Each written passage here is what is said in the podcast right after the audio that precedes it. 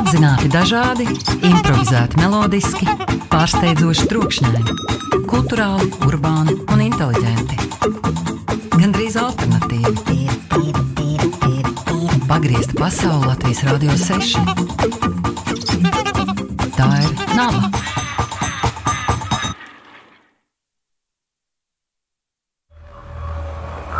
Nezāle par vidi cilvēkā un cilvēku vidē katru otro sestdienu, 12.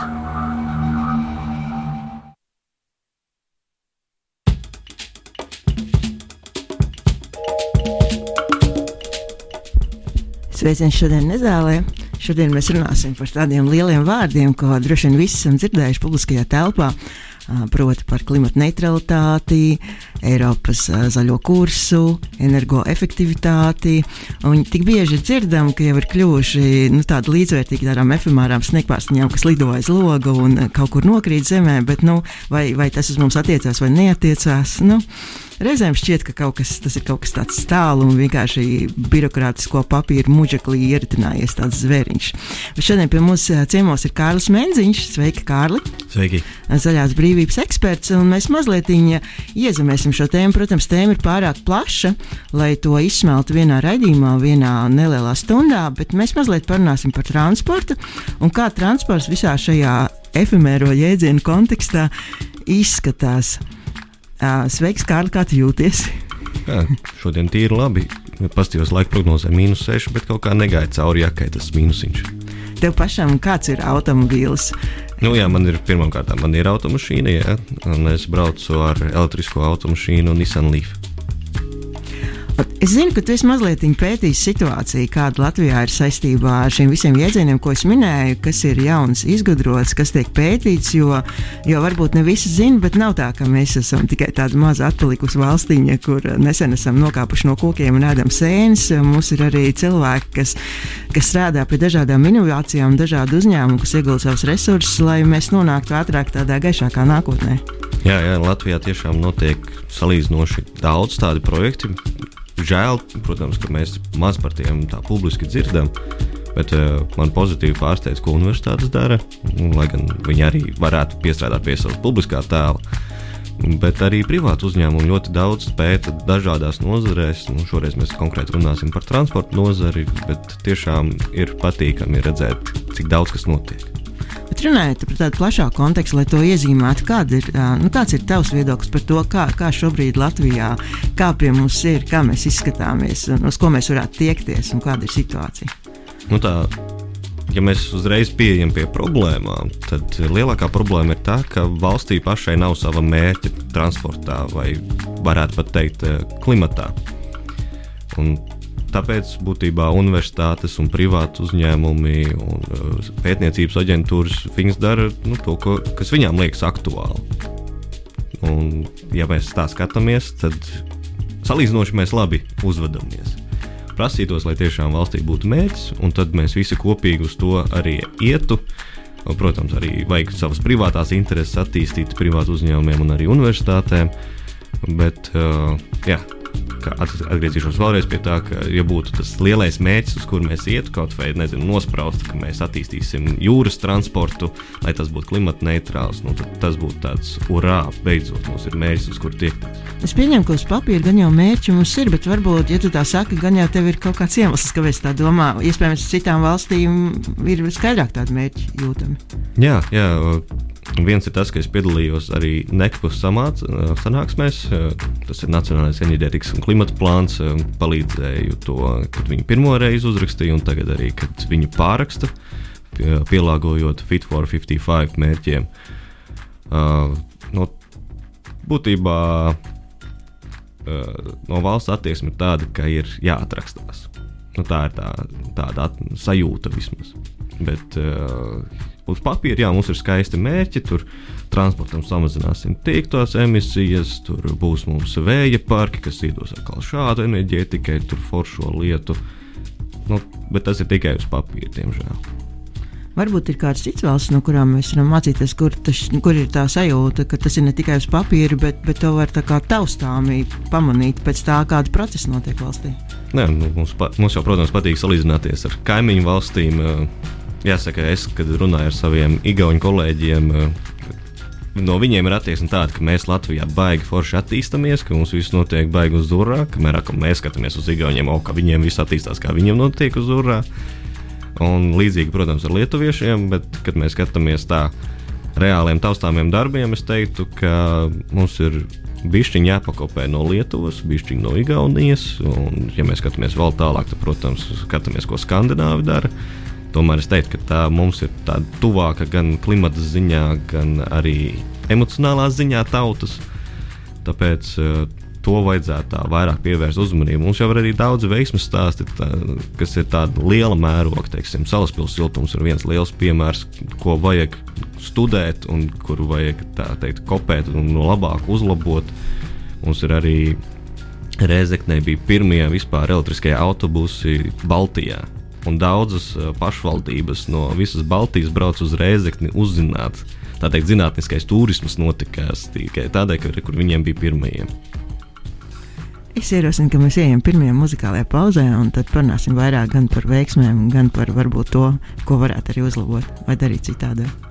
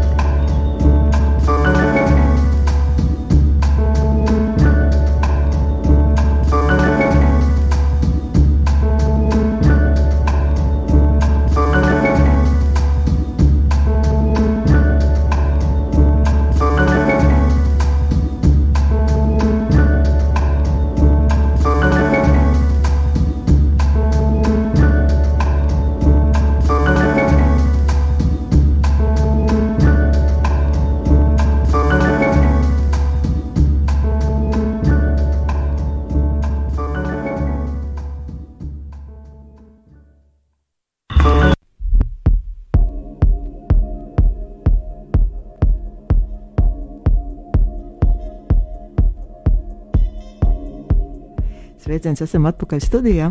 Šodien mēs runājam par uh, elektromobilitāti, par energoefektivitāti, par klimatu neutralitāti, par Eiropas zaļo kursu. Īsnībā ne, mēs par to visu nerunājam. Tas iedod mums tādu kontekstu, tādu ietvaru. Lai mēs varētu parunāt par to, kas labs ir Latvijā un ko varētu darīt labāk. Un pie mums ciemos ir Kārlis Menziņš no Biedrības Zaļās brīvības. Sveiki, Kārli! Sveiki vēlreiz! Un uh, aizmirsu sākumā piebilst, saku, tagad, kā mūzikas redaktors ir Digis Taurīts, savukārt jautājums uzdod es, Sanita Rībeni. Kārli, ko tu pēdējā laikā esi pētījis, kas interesants pie mums notiek Latvijā? Jā, viena no manām, tā teikt, uh, ārpus darba laika pavadīšanām ir pētīšana. Un, esmu izpētījis, eh, kā Latvijā tiek izmantots Eiropas Savienības fondu naudas, tā teikt, eh, tieši uz transportu, kā tiek pētīts. Un man patīkami pārsteidz, cik ir tā dažādība pieejama.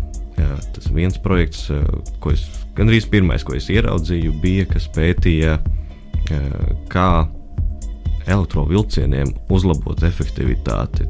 Pat pašā šasijā jau tā kā ne tikai motors, skaidrs, elektriskie motori, viņi jau tā ir uh, 96, 97% efektīvi pārveidojot enerģiju. Bet uh, tieši šasijā, kas ir īstenībā ļoti svarīgs aspekts, kad tā paskatās. Un tad cits uh, pētījums bija par to, kā elektrība, kas ir teiksim, mājas pieslēgumam, daudz dzīvokļu namam, un kā to pārpalikumu izmantot, lai varētu uzlādēt transporta līdzekļus. Protams, tur uh, pārsvarā bija runāts par automašīnām, bet es domāju, ka tas vispārīgi neatiecas tikai uz automašīnām. Un tad tā doma ir tāda, ka tajā brīdī, kad teiksim, 6, 7, visi sarodas mājās, iedarbina tekanas, vējas mašīnas un ko tik vēl ne, tajā brīdī tā uzlādē nav primārā. Jo tev jau nav svarīgi, ka tev tā automašīna uzlādējas par divām stundām tieši tagad, vai divām stundām tieši pirms iziešanas. Tas tev būtībā nav svarīgi. Un tāpēc var tā teikt, nobīdīt uzlādi vai samazināt tās uzlādes jaudu un veikt to daudz efektīvāk mājas pieslēgumam. Bet kā šobrīd ir? Šobrīd vispār daudz pie daudz dzīvokļu mājām ir iespējams uzlādēt automašīnu, vai, vai tas vēl nav pieejams? Nu, ja mēs domājam tā klasiski, tur purciems, pļaunieki, tur jau pat nav kur mašīnu nolikt pirmām kārtām, bet jaunajiem projektiem jau speciāli tiek paredzētas stāvvietas, daudz izvēles pagrabs stāvvietas, kur būtu tā ērti arī lādēties. Tāpēc tas nav tas tā kā bubulis, kurš ir kā, ne, viss tas nav iespējams un tā jā, saprotam, ka mums ir mantojums, ar kuru ir eh, jādzīvo kopā. Bet uh, vismaz tiem jaunajiem projektiem viņiem jau vajag, lai viss būtu sakārtots. Un kas tev, nezinu, nu, to visu pētot, nu, par to pēdējo, ko tu stāstīji, kas tev pašam likās tāds visizaicinošākais, nu, ja to mēģināt īstenot, un kas varbūt tāds uzslavs vērts? Um, izaicinājums tādā ziņā, es domāju, ka tā ir izglītošanas fāze, ka var arī tā darīt, ka nav tikai visu uzlāde, ir tikai ātrā, un tur vajag mega jaudas. Bet, kur mēs varam strādāt ar jau esošo pieslēgumu, mēs varam optimizēt esošo situāciju. Tas man liekas, tas tāds visforšākais, kas, kas nāk ar šo. Jo tas nozīmē, ka gan izmaksas ir mazākas, ekonomiski tas ir pamatotāk, gan arī infrastruktūra nav jāizbūvē, kas nozīmē, ka nav papildus resursi jātērē citā, citām lietām, kas nozīmē, ka tas vispār viss projekts ir teikt zaļāks. Runājot par elektromobiļiem, tur varētu man izglītot. ja es esmu lasījis sociālajos tīklos ļoti dažādas atsauksmes. Ir cilvēki, kuriem ir elektromobīļi, viņi ir daļa, kur ar to ir apmierināti, un, un daļa kā, nu, ir kā, šaubās, vai, nu, vai, vai mainīt vai nemainīt citu automobīlu. Kā, es, kā man ir radies iespējas, tad viens no iemesliem ir tieši kā reizes tās uzlādes stācijas, bet nu, es pieņemu, jo to var man labot, ja es, ja es nepareizi esmu uztvērusi nu, to, mm. to nu, man rokas pulsa nav bijusi pareizā pulsa. Un savukārt ir citi cilvēki, kas ir vispār skeptiski pret elektromobīļu ieviešanu. Kā citās Eiropas valstīs ir situācija elektromobīļiem? Ir, ir kaut kāda valsts, varbūt, no kuras mēs varam mācīties. Un vai, vai, vai, vai tas ir jēgpilni, un varbūt mums nemaz nevajag elektromobīļus. Varbūt vienkārši ejam ar kājām vai braucam tikai sabiedrisko. Nē, nu, tas, tā teikt, zaļākā pārvietošanās, protams, būtu ar kājām, velospēdu un sabiedrisko. Nu, tur argumentu vienkārši nav pretim. Bet uh, ir otrs aspekts, ka sabiedriskais nevienmēr kursē tur, kur tev vajag. To ar kājām nevienmēr var nonākt tur, kur tev vajag jēgpilnā laikā. Tas pats ar velospēdu. Tāpēc ir tā teikt, vidusceļš, kas ir automašīna, vai tā ir koplietošanas, vai privātā, nu, tā ir cita lieta. Uh, bet, ja mēs skatāmies uz piemēriem, kurus būtu vērts, uh, nu, ja ne kopēt, tad vismaz mācīties no viņiem, tad mēs, protams, atkal skatāmies uz Skandināviju, kas ir teikt, tur ir bargākie apstākļi, laika apstākļi nekā mums. Tur eh, cilvēku blīvums ir līdz, līdzvērtīgs mūsējiem. Un, ja, ja tā konkrētāk runājam, tad tā ir Norvēģija, kas ir teikt, Vācijas izmēra valsts ar 5 miljonu cilvēkiem. Tas nozīmē, ka nu, cilvēki nav viens otram blakus, tur ir kalnains, tur ir augsts. Tā būtībā ir sliktākā vieta, kur uzsākt elektromobilitāti kā tādu. Bet, ja mēs skatāmies tās uz papīra, nu, viņiem tur ir te jau visas jaunās mašīnas, visas jaunās reģistrācijas ir elektriskās. Tur pār par 90% no jaunajām reģistrācijām ir elektriskās vai tā saucamie plug-in hibrīdi. Un no visa autoparka viņiem jau tuvojas 20%, ka tie ir elektriskie. Tas nozīmē, ka katra piektā mašīna uz ielas ir elektriskā. Un kā viņiem tas izdevās? Nu, tur jau tiešām ir ilgs posms, jau no 96. gada bija pirmais eh, likuma projekts, kas bija labvēlīgs eh, tieši bez emisiju eh, transporta līdzekļiem. Tas sākās viss ar mazām nodokļu atlaidēm, tur šiem maksas ceļiem bija atlaides. Nu, tā pamazām, pamazām, un tagad viņi nonākuši tajā stadijā, kad viņi ir paraugs visai pārējai pasaulē. Bet Norvēģija nav vienīgā valsts, kas nu, jau ir tāda, ka oh, tiešām liels īpatsvars ir ar elektroautomašīnām. Tā ir Zviedrija, tā ir Vācija, tā ir Nīderlande. Būtībā visa, tā teikt, tās valstis, kuras mēs vienmēr gribam līdzināties, tās jau ir tur. Arī Ķīna un ASV jau ir diezgan nopietnos apjomos. Bet īstenībā arī mums tepat Latvijā ir ļoti teikt, pārsteidzoši īpatsvars, ja mēs skatāmies starp jaunajām reģistrācijām gandrīz 10% no jaunajām reģistrācijām pagājušajā ceturksnī bija tīri elektriskās vai plug-in hibrīdi. Ir kāda valsts, kas mums būtu nu, vistuvākā. Tu minēji Norvēģiju klimata un, un iedzīvotāju blīvuma ziņā, bet nu, vēl pēc kaut kādiem citiem radītājiem ir kāda cita valsts, kas mums ir kā, varbūt vēl līdzīgāka. Nu, kurai... nu, protams, Lietuva un Igaunija ir tās, kuras mēs vienmēr salīdzināmies. Lietuva vispār ir aizskrējusi teikt, abām Bal Baltijas valstīm pa priekšu. Tur ir cits arguments, ka viņiem tas uzlādes tīkls ir bez maksas vēl līdz nākamajam gadam nu, labi, nākamais gads tūlīt iesāks, nākamā gada decembrim, precīzāk runājot. Un, uh, viņiem ir atbalsts uh, iegādē jau ilgstošāk. Un, te, kad viņi teica, sākumā izziņoja, nu labi, tur būs no, noteikta summa, un tad viņi ātri saprata, ka ar to summu pietiks tikai vienam gadam. Tad viņi palielināja summu. Nu, joprojām ir šis atbalsts, ir arī uzņēmumiem atbalsts būtībā tur diezgan lielas summas rotē apkārt no valsts atbalsta puses. Un tas ir ļoti liels motivators, jo tad var samazināt to cenu starpību. Kaut gan tā cenu starpība ar katru gadu samazinās jau tāpat.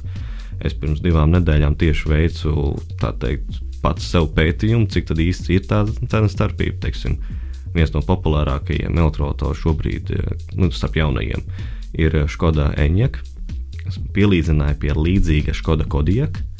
Nu, pēc iespējas līdzīgāk, jo nu, precīzi tādu pašu nopakot nav iespējams kaut vai motoru jaudas ziņā. Un tā cena starpība ir kaut kādi 15% no mašīnas vērtības. Bet mēneša izdevumi, ja mēs skatāmies, ir tīri elektriskajām par labu vairāk nekā 100 eiro apsvērumā. Būtībā tā cena starpība, kad tu paņem līzingā uz 5 gadi, tev jau pa diviem gadiem atsverās uh, tīri tā lielā summa. Nemaz nerunājot par pārējo, kas notiek pēc tiem diviem gadiem. Kā tu pats, nu, kā tu pats to aprakstītu? Nezinu. Nu, kas ir tie iemesli, kāpēc tomēr nebūtu ne visi cilvēki izvēlās elektromobīļus? No nu, tā. tā lai Pirmais, kas dramatiski efektīvi. Ka Latvijas vidējā automašīna, kas ienāk reģistrācijā, viņai ir gandrīz 15 gadi. Tas nozīmē, ka tāda elektroautorāta vispār neeksistē vēl. Nu, labi, ir izņēmumi, bet tāda masveida ražošanā elektroautorāta vēl nav nonākuši tur, lai būtu vidējam latvietim tā teikt pa kabatai. Bet uh, daudziem ir arī tā teikt uh, pretestība pret jauno. Jebkas jauns ir slikts. Kāpēc viņiem vispār iedod kaut kādas tur atlaides? Kāpēc? Tikai tam dēļ, ka viņi nepiesāņo manu vidi apkārt, kāpēc viņi var braukt pa autobusu joslām vai parkoties Rīgas centrā bez maksas. Kāpēc? Un tā ir skaudība, tā teikt, pārvēršas par naidu, vai nesaprašana arī pārvēršas bieži vien par naidu. Jo es, kad ar cilvēkiem runāju, tā kā mēs viens pret viens nosēžamies, parunājam normāli, nevis tur bļaustoties, tad tomēr tāds, ah, nu, zini, jā, es, es tomēr apsvēršu. Un, ja mēs skatāmies kaut vai statistiku, ko Svetbank publicēja, tuvākajos uh, 5 līdz 10 gados uh, cilvēki ir gatavi, tur, man liekas, bija 60% ir gatavi pirkt elektroautorātu. Nu, tas man liekas, tāds tīri normāls rādītājs. Tas nav tāds urā, visbaigi foršs rādītājs, un nav arī baigs sliktais rādītājs, bet nu, ir ok. Vai šīs optimistiskās nots mēs varētu iet nākamajā muzikālajā pauzē? sapratīšu tikai kurā. Tā, domāju, šajā.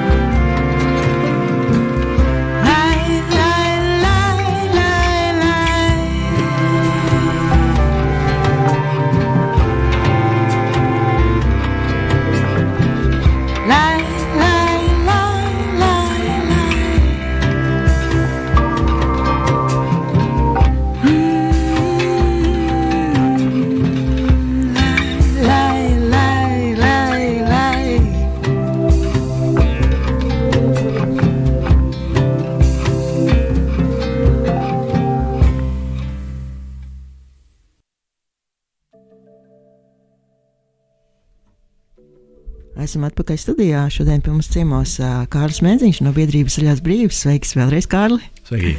Jautājums uzdod Sanita Rībana, mūzikas redaktors Digis Taurīts, un šodien mēs runājam par to, kā, kā, nu, kā dzīvē reāli mēs varam pieredzēt uh, to, ko papīros varam lasīt kā nu, kaut kāds process, kas ir saistīts ar energoefektivitāti, ar klimata neutralitāti, ar kaut kādu virzību uz Eiropas zaļo kursu, kas ir nu, tādi abstrakti, šķietami abstrakti jēdzieni, un diemžēl reizēm arī nu, nu, nevienmēr arī dokumentācijā, kā tas parādās no valsts iestāžu puses, sastādot kaut, kaut, kaut ko. Nu, tas nāk par labu, lai šos jēdzienus mēs uztvertu kā kaut, kaut, kaut ko sev tuvāku. Bet ir arī vairāki lieliski procesi, kas Latvijā notiek, un uh, Kārlis jā, ir sācis pētīt to, kā mēs lietojam Eiropas Savienības naudu, kas ir domāts tieši šim mērķim, lai pie mums dzīve kļūtu pēc būtības zaļāka, ne tikai tādā zaļmalināšanas veidā, kā reizēm zaļos mārketingos parādās. Un viena no tām lietām, ko tu pētīji, ir tāds, tāda iniciatīva, kas saistīta ar transporta plūsmas monitoringu. Bet var vairāk pastāstīt. Nu, viens ir tas, ka Tur ir daudz aspektu, kā to pagriezt. Bet uh, jāsāk, viss, protams, ir ar datu ievākšanu. Mums ir jāsaprot, cik daudz automašīnas mums brauc, kurā virzienā, kādi autobusi tajā pašā maršrutā ir. Kā, kā vispār velosipēdisti arī tur uzvedās un gājēji. Mums ir jāsāk ar datiem, datu savākšanu. Un tas bija viens no šiem pētījumiem, kur es redzu milzīgu potenciālu tiešām. Jo es vienu brīdi dzīvoju tādā Nīderlandes pilsētā Asena. Un tur bija viedā satiksmes regulēšana jau ieviesta, un Asena vispār skaitās kā sensoru pilsēta priekš Nīderlandes. Tur daudz kā, inovācijas notiek. Tas iemesls, kāpēc tā viedā transporta plūsmas luks, caur luksusforiem tā bija realizēta, bija tas, ka viņiem reizi gadā notiek uh, lielās MotoGP sacensības nozīmē, ka ir milzīgs pieplūdums ar turistiem tieši šajā pilsētā. Pilsēta pat ir salīdzinoši maza, teiktu, aptuveni saldus izmērs, kas priekš Nīderlandes ir gandrīz ciemats. Un tāpēc e, šī viedā satiksmes regulēšana bija ļoti aktuāla viņiem reizi gadā. Bet arī pārējā gadā tas bija aktuāli, lai teiksim, nomierinātu satiksmi atkal, vai redzot, ka pie Luksofora teiks, tajā brīdī ir sarkanais uz visām pusēm, bet vienai tieši ir izteikti vairāk automašīnas nekā otrai plūsmai, nu tad varbūt tās īsāk to pirmo palaist, vai atkal uzreiz palaist to lielāko plūsmu, lai satiksme kā tāda būtu daudz mierīgāka. Mums Rīgā salīdzinoši ar lielpilsētām nav tādu izteiktu korķu. Bet uh, mēs zinām, ka nu jau ir tāds termins kā Baltazara korķis, ir arī teikt, rīta stūķis pie vecpilsētas. Mums jau ir savu folkloru urbānā.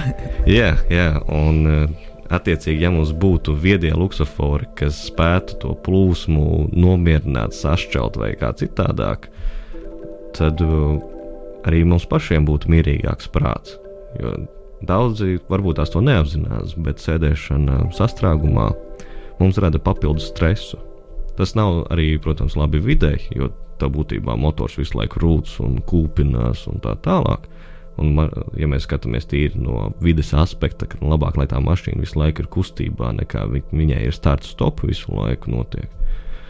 Un tāpēc eh, tas ir daudzajā ziņā vēlami, ka mēs nonākam pie šāda vieda risinājuma.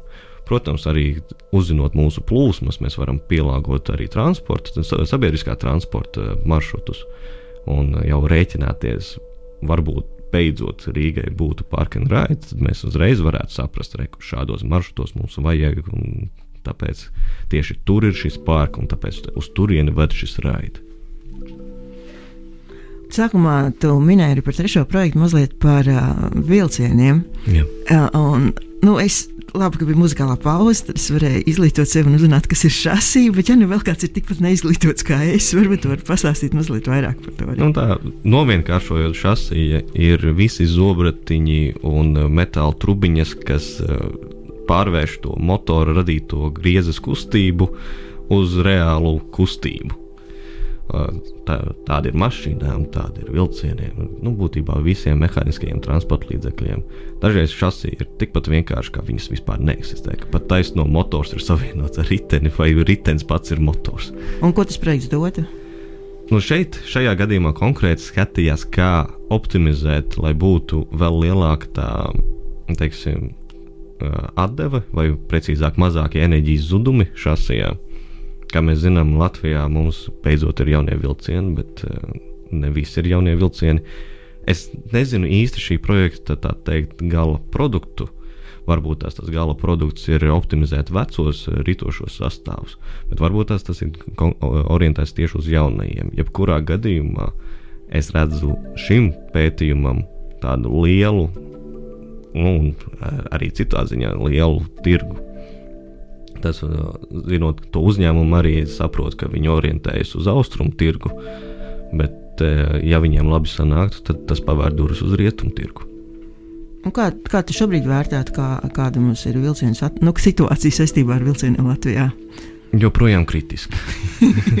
Vai tu varētu izvērst šo domu?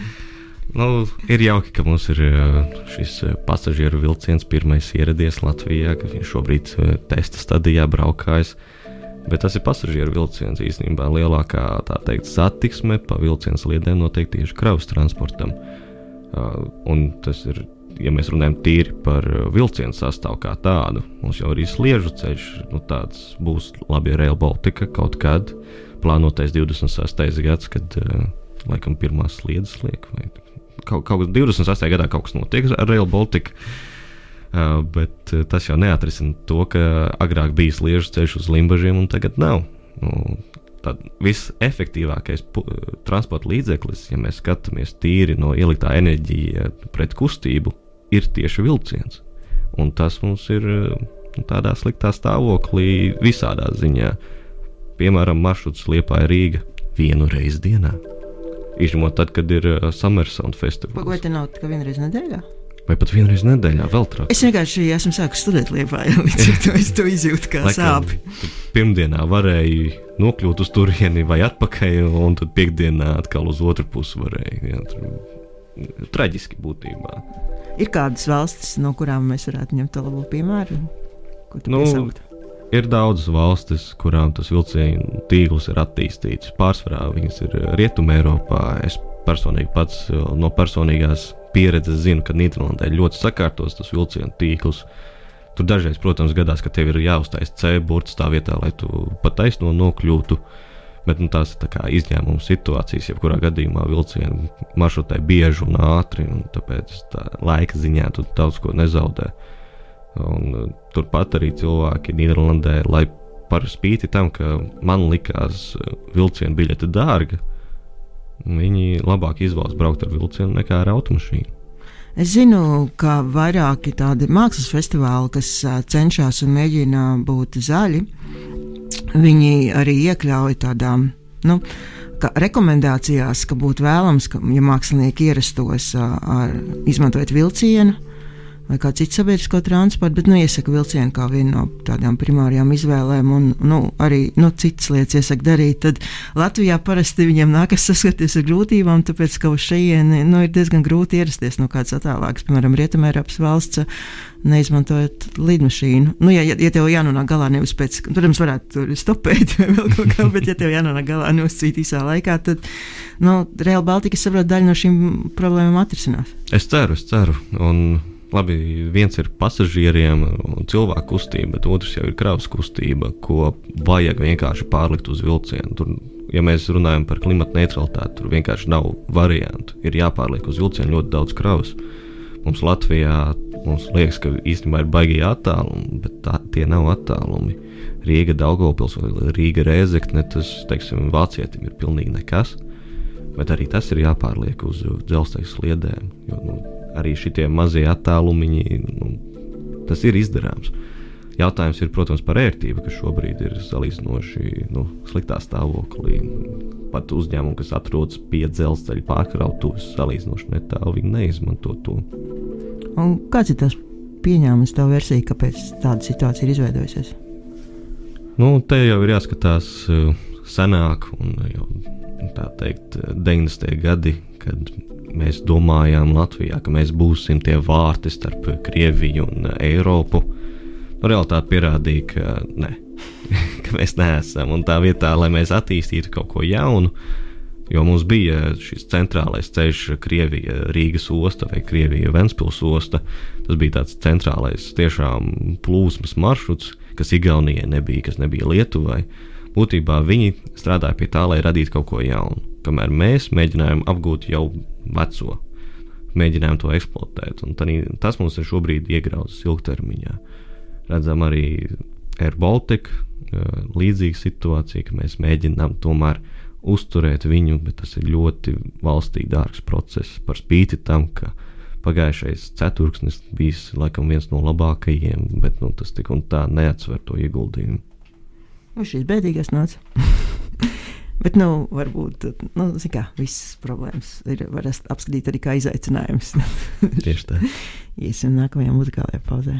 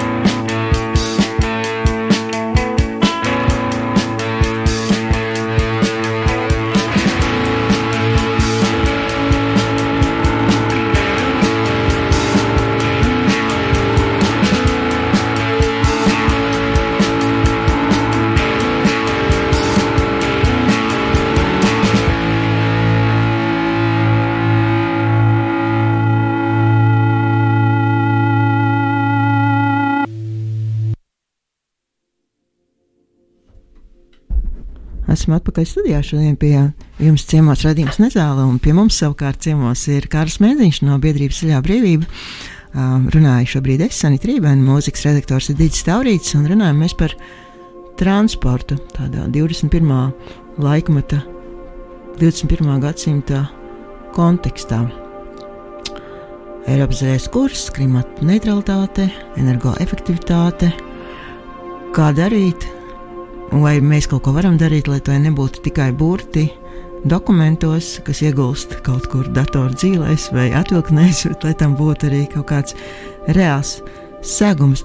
Kārli, nu, kā, kā tev šķiet, nu, ko mēs kā sabiedrība varam darīt, lai, lai tie vārdi pēc iespējas biežāk un jēgpilnāk īstenotos dzīvē, nevis tikai palikt uz papīra un nevis tikai būt tāda atrakstīšanās no kāda vienas personas A personai B. Nu, ir jāsaprot, ka katra darbība ir ar savām sekām, ar savu svaru. Tādēļ, pat ja tu tikai šķiro atkritumus kā vienīgo savu kā, zaļo dzīvesveidu stilu, nu, tas arī ir no svara. Ir svarīgi šķirot atkritumus, ir svarīgi izvēlēties labāk iepakotus produktus. Teiksim, kāpēc tev vajag šokolādes kastīti, kas ir ietīta trīs plēvēs, pirms tu vispār tiec pie pašas šokolādes, kur vēl ir ietīta kaut kādā plēvē. Nu, tie ir tādi maziņi risinājumi, mazie solīši, visi veido to lielo bildi. Tā teikt, tu vari. Mēs visi esam šajā vienā lielajā baseinā, ko sauc par planētu Zemi. Un, ja kaut vai viens čurā baseinā, tad mēs visi peldam šajās čurās. Nu, tā, tāda ir tā realitāte, ka, nu, ka mums katram ir tas jā, jāveido politika gan sava privātā, gan savas sabiedrības, tāda ģimene, draugu lokus Un tad beigās, ja mēs varam skatīties uz augšu, uz politiķiem un, un uzņēmumiem, bieži vien īstenībā uzņēmumi ir tie, kas veido politiku. Tāpēc mēs varam pieprasīt eh, tādiem lielākajiem, lai viņi būtu labāki.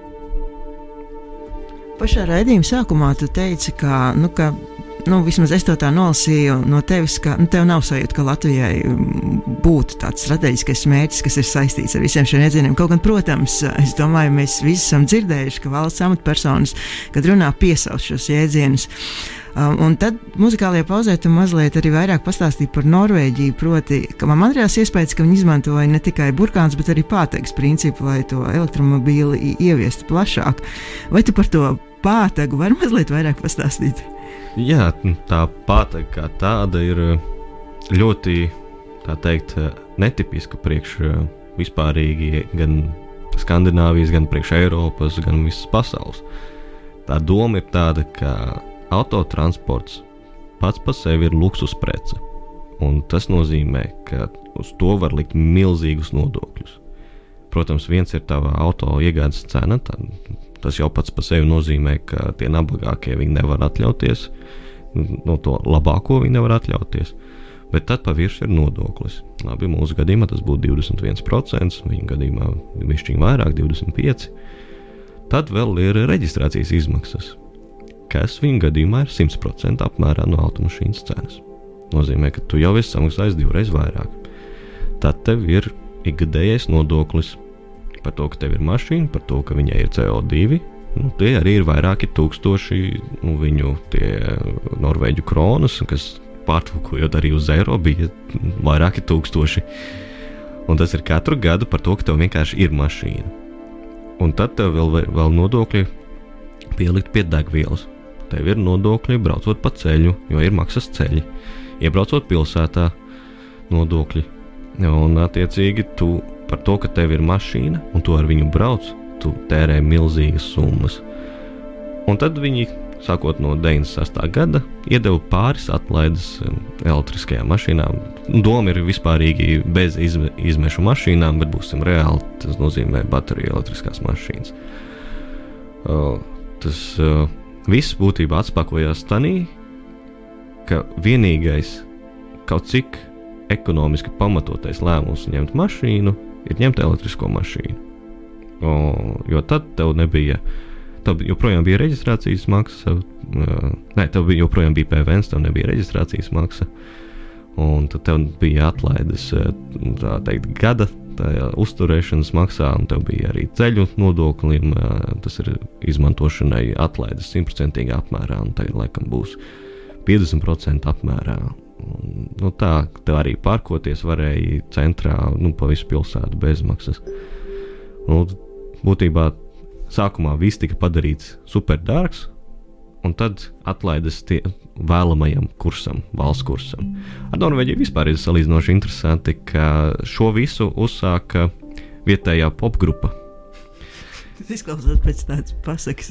Jā, jā, un tā doma bija, ka paņēma, nopirka vienu elektrisko mašīnu, kā tajā laikā bija vienīgā pieejamā, un brauc pa visurieni, nemaksāja nevienu nodokli. Pilnīgi neko nemaksāja. Protams, valsts paņem, konfiscē mašīnu, izliek izsolē. Uh, nu, ja tu nemaksā nodokļus, uh, atņem tā to mašīnu. Un tad tā izsolē neviens nepērk, viņš nopērk par zemāko summu.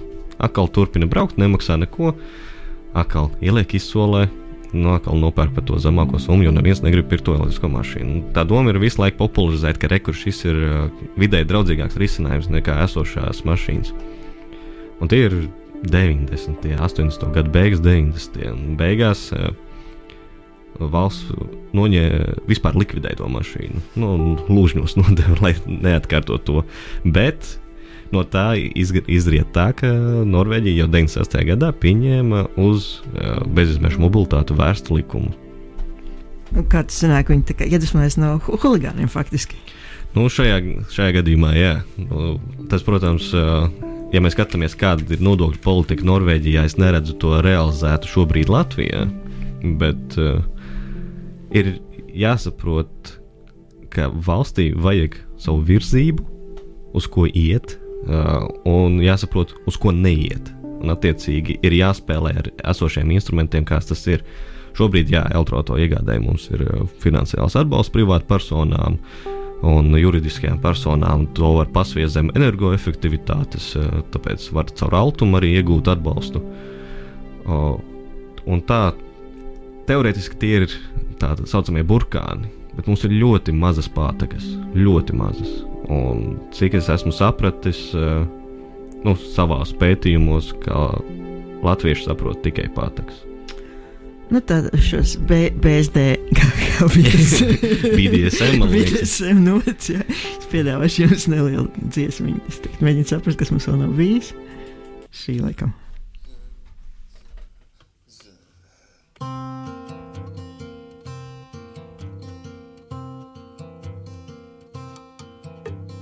Brother bought a coconut, he bought it for the time. His sister had another one, she paid it for the lime. She put the lime in the coconut, she drank and poured up. She put the lime in the coconut, she drank and poured up. She put the lime in the coconut, she drank and poured up. She put the lime in the coconut, she called the doctor, woke him up and said, Doctor, ain't there nothing I can take? I said, Doctor,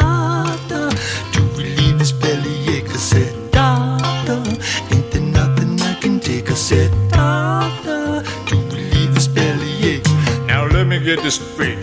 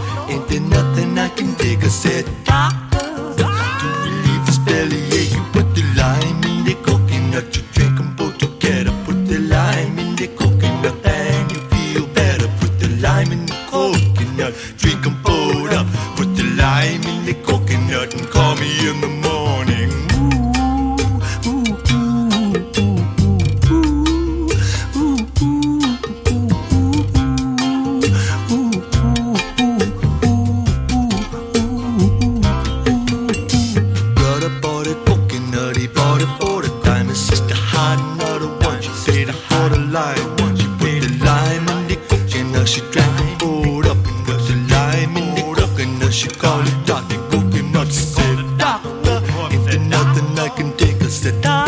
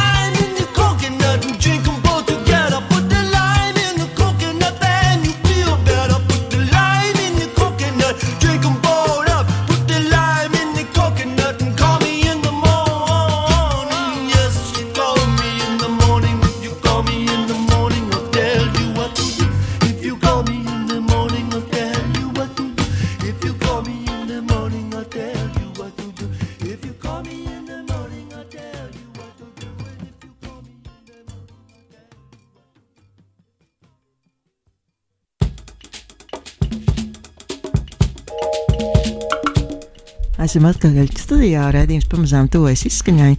Pie mums ciemos ir Kārlis Menziņš no biedrības Ceļā brīvība. Runāju šobrīd es, Sanita Rībēna, un mūzikas redaktors ir Digis Taurītis.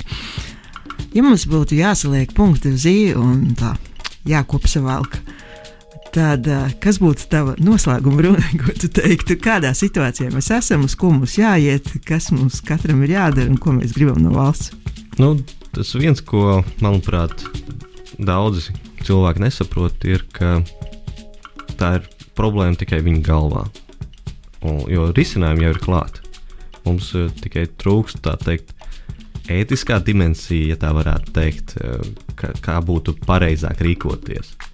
Nevis turpināt braukt ar manu 38 gadus veco Volvo dīzelīti, kuram tūlīt tās viss izkritīs ārā, bet nu, tomēr, lai cik arī muļķīgi izklausītos, uh, jauns būs labāks vidēji. Jauns kaut vai iekšzemes dzinējs, bet nu, jauns elektriskais būtu vispārīgi labāks. Atkal no otras puses, varbūt tās tev vispār nevajag automašīnu, jo daudzi cilvēki, vismaz pilsētas Rīgas centrā, var jau atteikties no savas privātās automašīnas, tam dēļ, ka ir koplietošanas eh, pie, pieejami. Es personīgi pats dzīvoju teikā, es zinu, ka pie jaunās teikas visi koplietošanas uh, operatori viņi nomet tur savas mašīnas, lai būtu pieejami. Attiecīgi man tur 5-10 minūšu pastaigā no rīta vai nu, vienreiz dienā. Tas jau pat veselīgi, nu, es savācu savus solīšus, bišķiņu vairāk. Būtībā, kas tā pa īstam trūks, lai būtu tāds grūdienis uh, uz klimata neutralitāti, ja mēs konkrēti runājam par transporta sektoru, ir tā, ko jūs atkal nu jau sāksies atkārtošanās, bet ar ko es arī uzsāku šo, ka valstī nav sava mērķa, nu, tā virzības spēka. Vajag saprast, ko mēs attīstām, vajag saprast, ko mēs neattīstām. Un tad jau mēs varam tiešām runāt par tādām lielākām programmām. Tur universitātes noteikti nāks palīdzīgā, pētniecības centri nāks palīdzīgā. Un, attiecīgi, arī privātais sektors redzēs to iespēju, jo rekur tagad valstī ir kustība, attiecīgi vai nu es kustos līdzi, vai nē. Un, ja cilvēks grib pašizglītoties un vairāk kaut ko uzzināt un palasīt, kādus resursus tu ieteiktu? Nu, tā teikt, svešvalodās ir ļoti daudz resursu. Es personīgi klausos daudzus podkāstus. Viens no tiem ir Fully Charge Show, pilnībā uzlādēts šovs. Tur runā gan par automašīnām, gan par siltumsūkņiem. Uh, būtībā par tām tehnoloģijām, kas jau ir šobrīd klāt, varbūt drīzumā klāt arī dažreiz. Kas kā, palīdz mūsu ikdienai, gan padarīt to ērtāku, gan vidē draudzīgāku. Uh, vēl ir tāds EV News Daily, ja gribās tikai par automašīnām. Nu, tas ir tāds 5 minūšu apkopojums, kas ir noticis iepriekšējā dienā. Un, ticiet man, daudz kas notiek katru dienu. Uh, Uh, un ir vēl citi šovi, kas ir varbūt tās vairāk par antropoloģiju un tā tālāk. Bet, ja tie ir latviešu valodā, tad ir jāskauto. Ir uh, bloks uzlādēts, kas kon koncentrējas uz elektriskajām automašīnām. Ir uh, šīs vidas vēstis arī pieejamas uh, online, bet arī žurnāls ir, uh, nu, vai laikraksts precīzāk. Uh, Ik, katru gadu žurnāls ir arī izdot eh, tādu izdevumu, kas ir par zaļo tematiku. Arī eh, dienai ir sava, man liekas, reize gadā rubrika. Un ir īstenībā daudz konferences. Un, uh, dažreiz pat festivālos iekšā ir tā teikt, rubrikas. Bet, ja mēs skatāmies uz lielāko festivālu, sarunu festivālu Lampa, tad man liekas, ka tur trešdaļa no visa, par ko runā, ir eh, zaļā politika. Un atlikušās divas trešdaļas par pārējo politiku. Tā kā iespējas ir. Tieši tā, tieši tā, vajag tikai nedaudz painteresēties. Man liekas, ka biedrība zaļā brīvībā lapā arī var atrast. Jā, jā zaļā brīvība arī atjauno ik pa laikam aktuālo informāciju. Tur šobrīd gan mazāk ir par transporta sektoru, bet uh, drīzumā būs izmaiņas šajā sakarā, būs vairāk ziņas. Bet vispārīgi mazāk uzticieties divām ekspertiem un vairāk tiešām meklējiet nevis kāpēc kaut kas ir slikts, bet uh, skatīties uh, pēc pareizajiem atslēgas vārdiem. Teiksim, automašīnu gadījumā tas ir life cycle analysis, kas ir dzīves cikla analīze, lai saprastu, vai tiešām tā ir vai nav. Un, ja tas ir tāds uh, kā teikt, klikšķu virsraksts, to uzreiz var redzēt. Un tur būs ar lieliem burtiem uzrakstīts, ka kaut kas ir aizliegts, vai kaut kas ir tūkstoš reizes sliktāks, vai kaut kā tā. Būtībā mākam filtrēt informāciju. Uz šīs uh, iedvesmojušas nots. Es tādu nošainu šodien. Mēs arī no jums atvadāmies. Pie mums šodien ciemos bija Kārlis Menziņš no biedrības Zaļā brīvība. Runāja Sanita Rībēna un mūzikas redaktors Digis Taurīts. Lai jums labi šī nedēļas nogala un nākamajā sestdienā klausieties mūsu kolēģis Zeltēka. Sekojiet mums Instagram, Facebook, kādreiz Twitterī, kad es atcerēšos paroli. Varbūt arī tas nekad nenotiks, bet jebkurā gadījumā Facebook un Instagram esat laipni aicināti sekot. Un mūs ir arī dzirdēt atkārtojumā LSM arhīvā, tāpat arī uh, podkāstu formātos, manuprāt, ja ne visos, tad gandrīz visos. Kā varat iepazīties ar mūsu arhīvu arī. Visiem labu uzredzēšanos!